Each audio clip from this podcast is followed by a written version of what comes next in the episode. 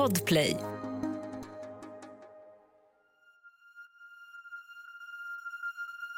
Du lyssnar på Fyllepodden från IQ. Jag heter Mussa Hasselvall. När, när, alltså, när, jag, när jag sitter här nu så känner jag, jag blir någonstans lite ledsen liksom, av, av den känslan av, av att faktiskt, hur, hur man själv någonstans strävar och kämpar så hårt för, för att få vara med. Jag har en idé om att hela poängen med att dricka alkohol handlar om att man vill tappa omdömet. Och därför har jag bjudit in Claes Svartzonker Claesson, känd från tv eh, som Fiskarnas fiskare och en före detta krögare som såklart har en himla massa erfarenhet av just alkohol. Och jag tror att om det är någon jag ska testa den här teorin på så är det just han.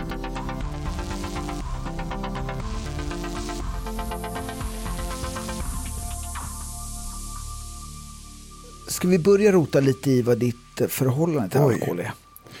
Eh, Ja, förlåt. Nej men den är bra, det är bara in i, in i kaklet bara. Jo men man kan väl säga så här, jag är, det beror på, man kan väl ta det ur två stadier. Jag är, jag är uppväxt med alkohol. Och, och jag är en så kallad fullgubbe. Liksom. Jag typ bestämde mig för att bli alkis när jag var 15. Fast om jag tittar tillbaka på det, liksom, jag valde den banan. Liksom.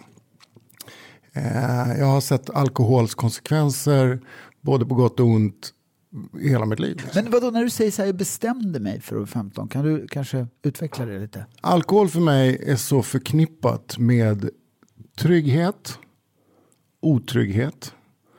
Ehm, och man kan väl säga att det har även varit min, liksom, min superhjälte-cap. Liksom.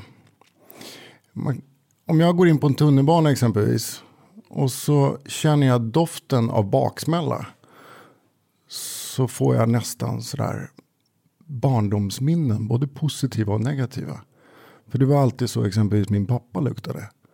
Eller mina papper, jag har haft flera stycken papper. Eh, den här doften liksom av aluminium i solsken som blir när du har fuckat upp njuren och, och, och levern så pass mycket så att kroppen inte riktigt kan ta hand om alkoholen. Liksom. Eh, den väcker känslosamma minnen för mig. Liksom. Det blir så här, det blir väldigt starkt. Eh, och jag tycker idag att det kan vara ganska jobbigt ibland att gå på fester. Eh, för att vi har en kultur i Sverige där alkohol är någonting som man måste göra. Om du inte dricker alkohol, då är du annorlunda. Liksom. Eh, du, för många blir man ett hot. Jag tänkte på en av de första grejerna du sa. Då sa du så här, det är trygghet och otrygghet. Ja. Kan du utveckla det lite? För jag tror att det är så svårt för många att... Vi kan ta ett exempel eh, som, som verkligen symboliserar det här med trygg och otrygghet. För några år sedan var jag bjuden till ett, eh, ett dubbel 50-årsbröllop. Sitter på den här festen med, eh, och, och liksom Käka sill eller vad fan det är. Och så bredvid mig har jag en snubbe som, han är alkis. Jag bara, han är alkis. Och jag dömer inte han för det. Men han börjar tjata om att jag måste dricka snaps. Och jag bara, nej jag är ledsen, jag dricker inte snaps. Jag blir dum i huvudet när jag dricker snaps. Så jag skiter i det liksom. Han bara, vadå? Vad fan, var som folk för fan. Du måste ju ta en snaps alltså. Det, det måste man göra, annars är man ju dum i huvudet. Vad fan är det för fel på dig? Ta en snaps för fan. Och det eskalerar så pass mycket så han vill börja veva efter ett tag. Liksom.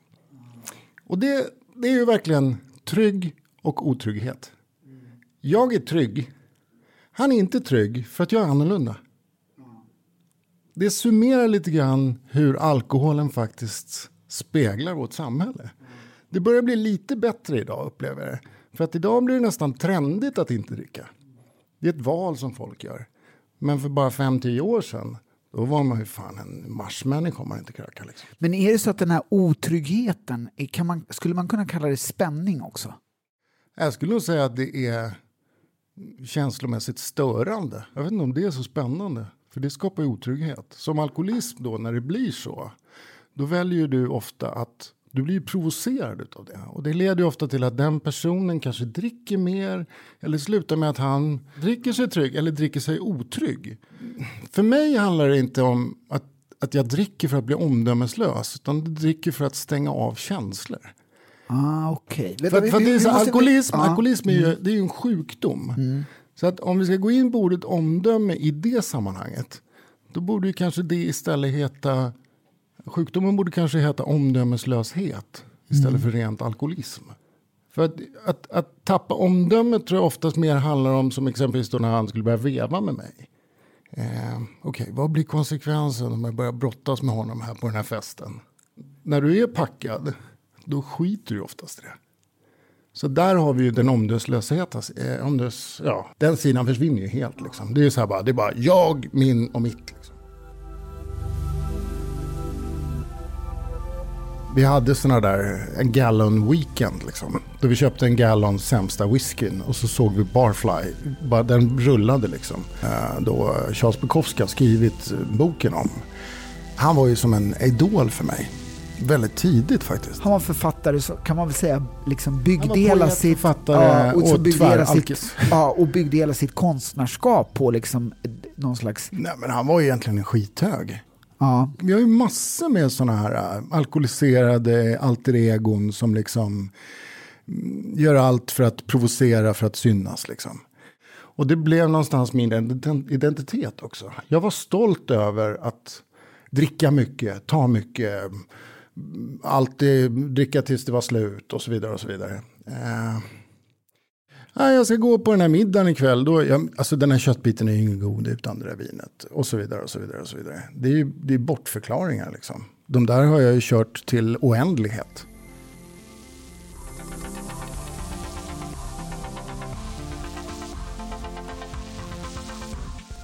Käns den känslomässiga tryggheten är den som egentligen gör att du blir omdömeslös. Så om, om vi drar ner allting till rotnivå. Så omdömet det är sekundärt kontra känslan. Det är känslan som driver mig till att bli omdömeslös. Rädslan för att inte vara omtyckt, rädslan för att uh, inte få det jag vill ha och så vidare. och så vidare liksom. Jag tänker nog att det är nog det jag har strävat efter i mitt drickande, att bli omdömeslös. Varför då? Man, ja, men jag för tror att bli det, modig eller? Ja, men alltså, ja, det kanske är det. Alltså jag, jag, tror att det är därför jag förknippar det med, med, med omdömeslöshet. Att det är någon slags att man ska, man ska, man ska bara skita i det där omdömet. För mig blir det jävligt filosofiskt här. Ja. för då skulle jag istället inte. välja att säga att jag dricker för att bli av med rädslorna. Mm. För du är rädd för att bjuda upp den där på dansen. Eller du är rädd för att gå fram och hänga med det där gänget. Eller du är rädd för att och så vidare och så vidare. Är, är det samma sak som omdöme? Nej, Nej men absolut. Det, det, det är inte samma sak som rädslor. Men, men jag menar bara att för att slippa sina rädslor mm. så är man omdömeslös. I liksom tidiga tonåren som, som, som man liksom hittar alkoholen mm. ofta i, liksom i någon slags svensk kultur. Att mm. Just att man är så här att det var så enkelt att göra de där grejerna då. Jag skulle istället välja att säga att det, man är man har inget konsekvenstänk. Liksom min, min bana när jag, när jag krökade liksom. Då, då var det ju så att om jag mådde riktigt jävla dåligt. Vi säger att jag hade liksom druckit i flera, flera dagar i sträck. Liksom.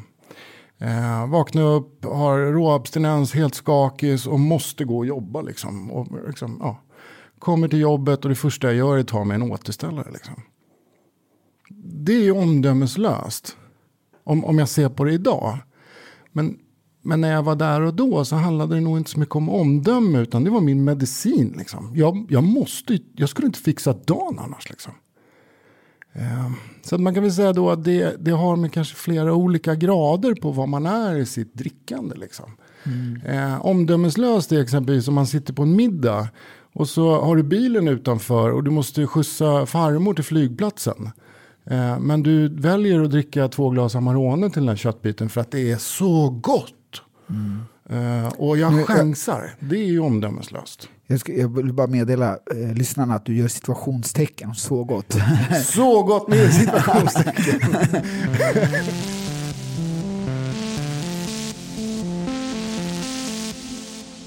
Det här handlar om omdöme och alkohol. Och vad är egentligen omdöme? Jag heter Karin Hagman och är vd på IQ omdöme. Och det handlar ju om vår förmåga att fatta rationella beslut. Alkohol påverkar hjärnan eh, även vid små mängder alkohol så påverkas vår förmåga att fatta beslut och vårt konsekvenstänkande.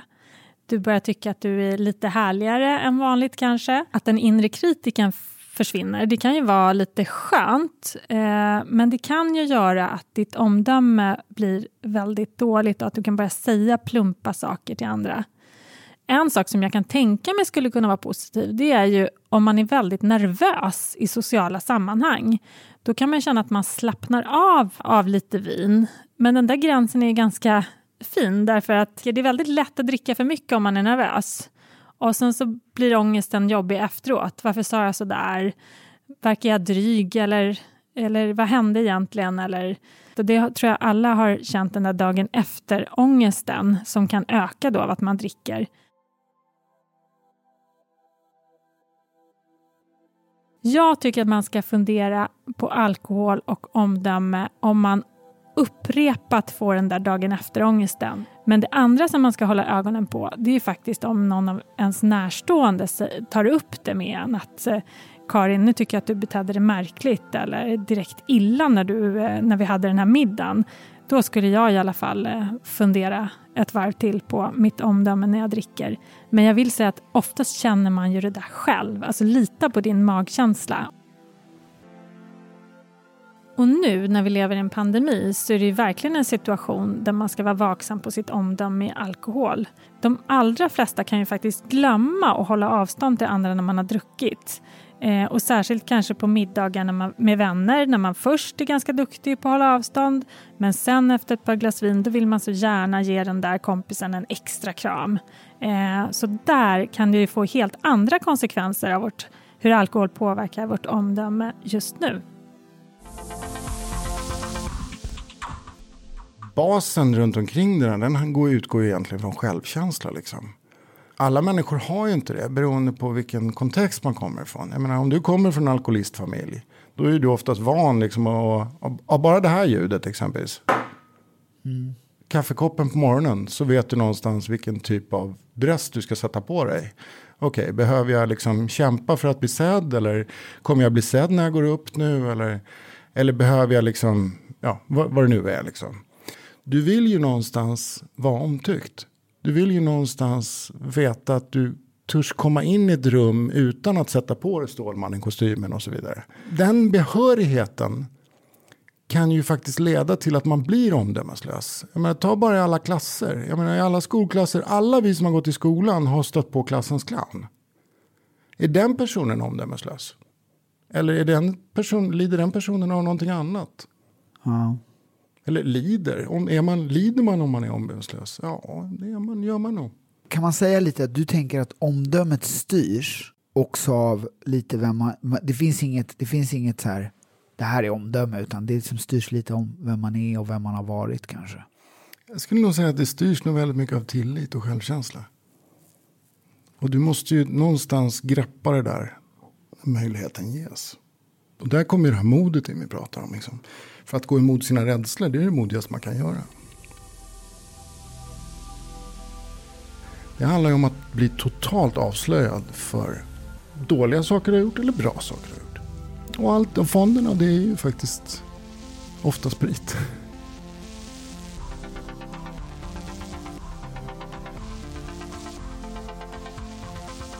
Omdöme.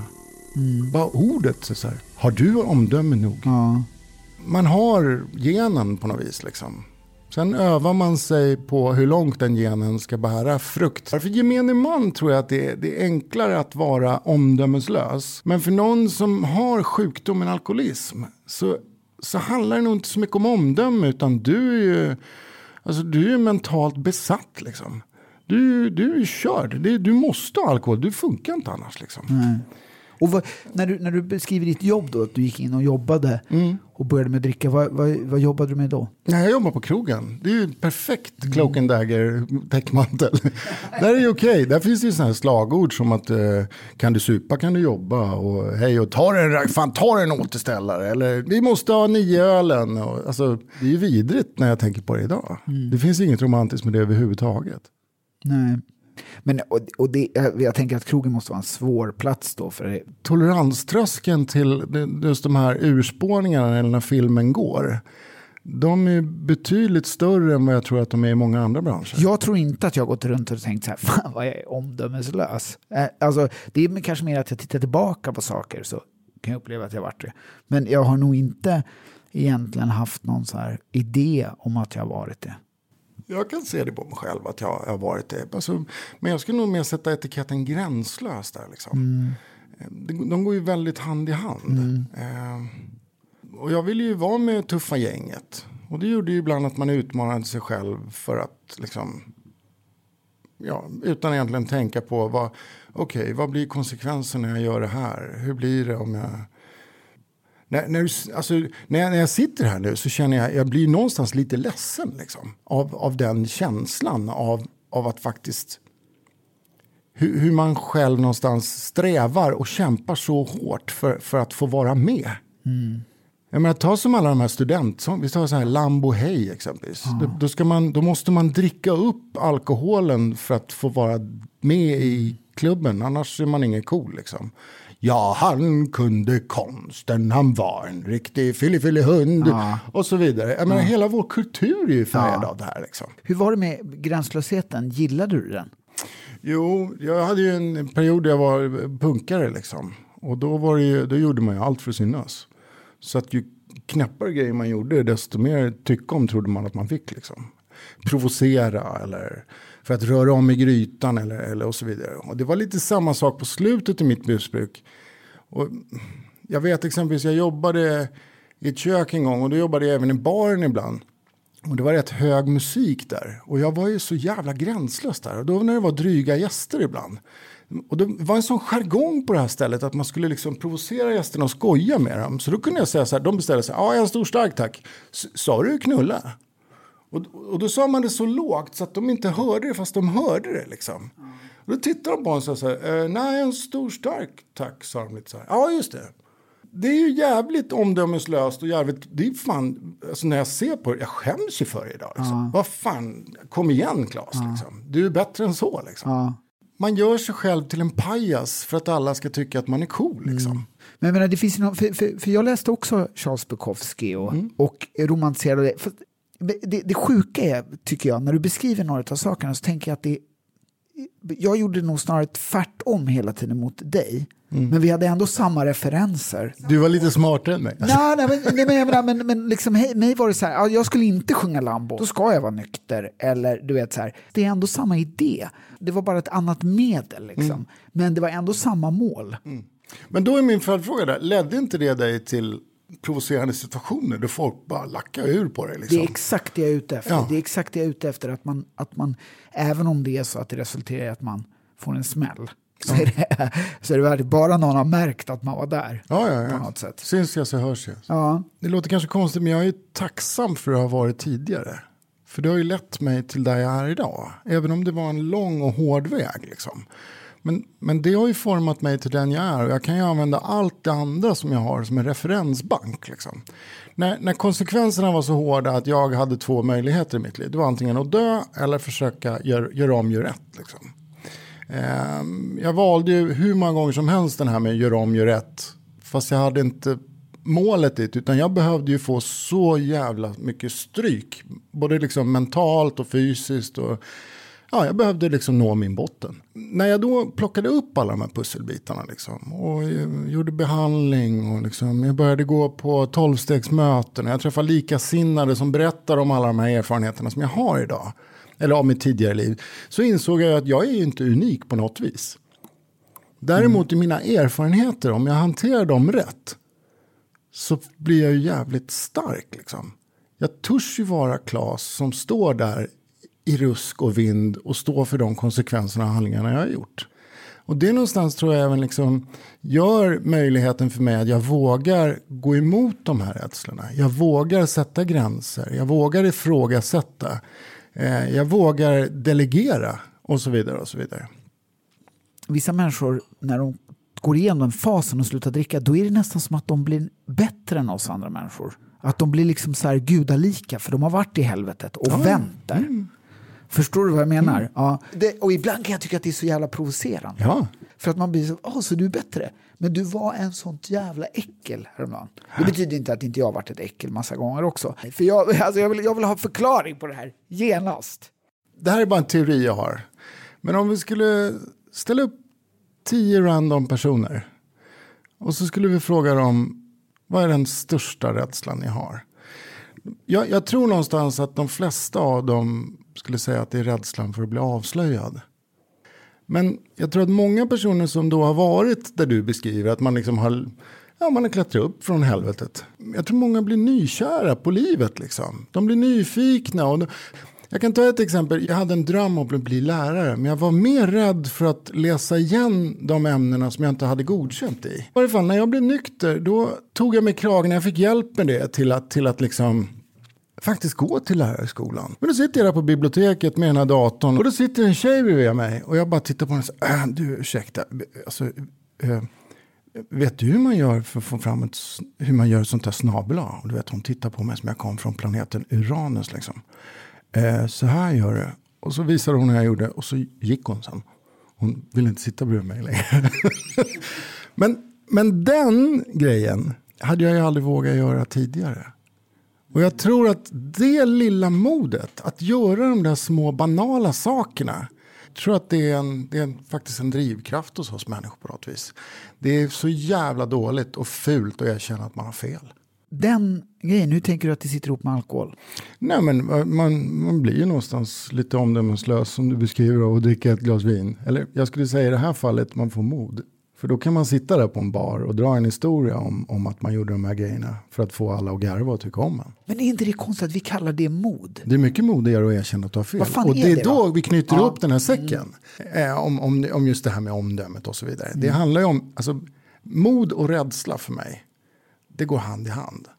Men skillnaden mellan när man är på banan eller när man dricker mycket, det är att man, man dricker för att få mod. Ja. Istället om man tänker efter så här så är det jävligt modigt och framförallt kanske väldigt generöst också. Och erkänna sina fel och brister för någon. Är man inte rädd och gör någonting, då är man inte heller modig. Nej, det nej, det, liksom, men det, går, det går hand i hand med det du beskriver, att du måste ha varit i helvetet för att ja. bli modig. Liksom.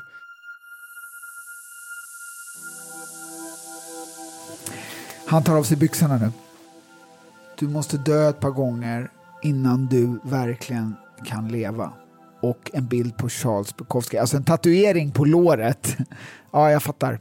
Men alltså, när gjorde du den här? Den här gjorde jag kanske när jag hade, vad kan jag ha haft när jag varit nykter i en, ja, kan ha varit kanske tio år. Ja, men det här känns fruktansvärt omdömeslöst kan jag tycka. Ja. Alltså, just för att Charles Bukowski var en av dina stora dricka-förebilder.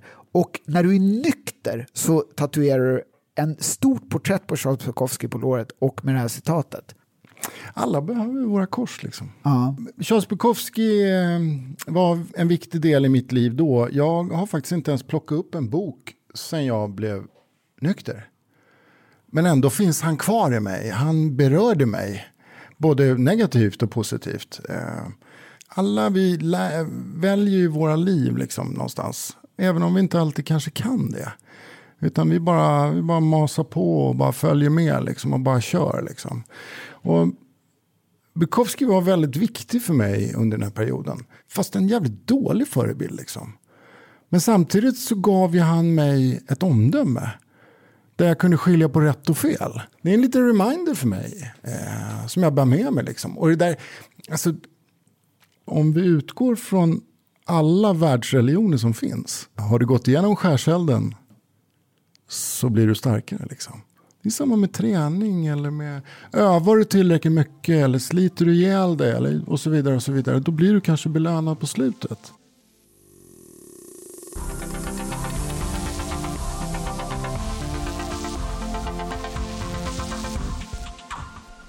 Du har lyssnat på Fyllepodden med mig, Musse Hasselvall.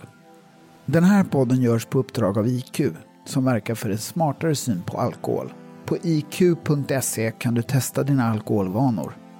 Betygsätt och prenumerera på podden så att fler hittar oss.